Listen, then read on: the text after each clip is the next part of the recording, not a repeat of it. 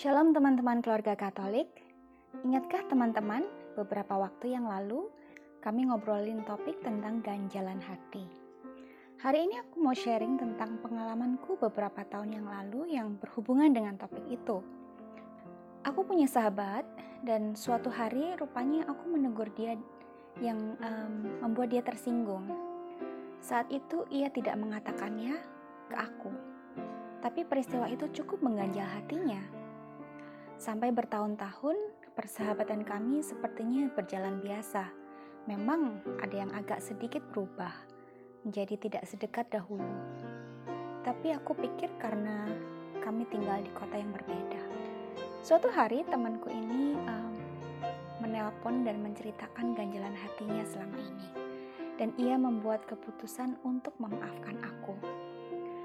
Hari itu kami tangis-tangisan di telepon saling memaafkan dan membersihkan semua ganjalan-ganjalan hati di dalam persahabatan kami. Waktu itu, sahabatku ini uh, tahu kalau aku sedang berdoa untuk mendapatkan buah hati.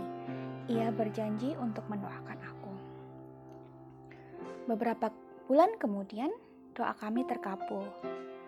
Dari kejadian ini, dari kejadian ini aku mengalami bagaimana pengampunan bisa membuka jalan berkat. Unlock the blessing yang Tuhan sudah sediakan bagi kita. Lalu aku teringat juga akan seorang yang kepadanya aku memiliki ganjalan hati. Dan aku dengar dia juga berdoa untuk kehadiran buah hati dalam pernikahannya. Aku memutuskan untuk memaafkan dia dan mendoakannya agar Tuhan juga membuka jalan berkat.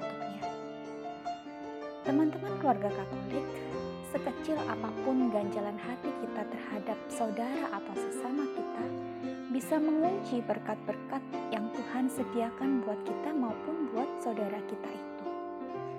Mari kita syukuri Tuhan selalu mengampuni kita saat kita mohon ampun kepadanya.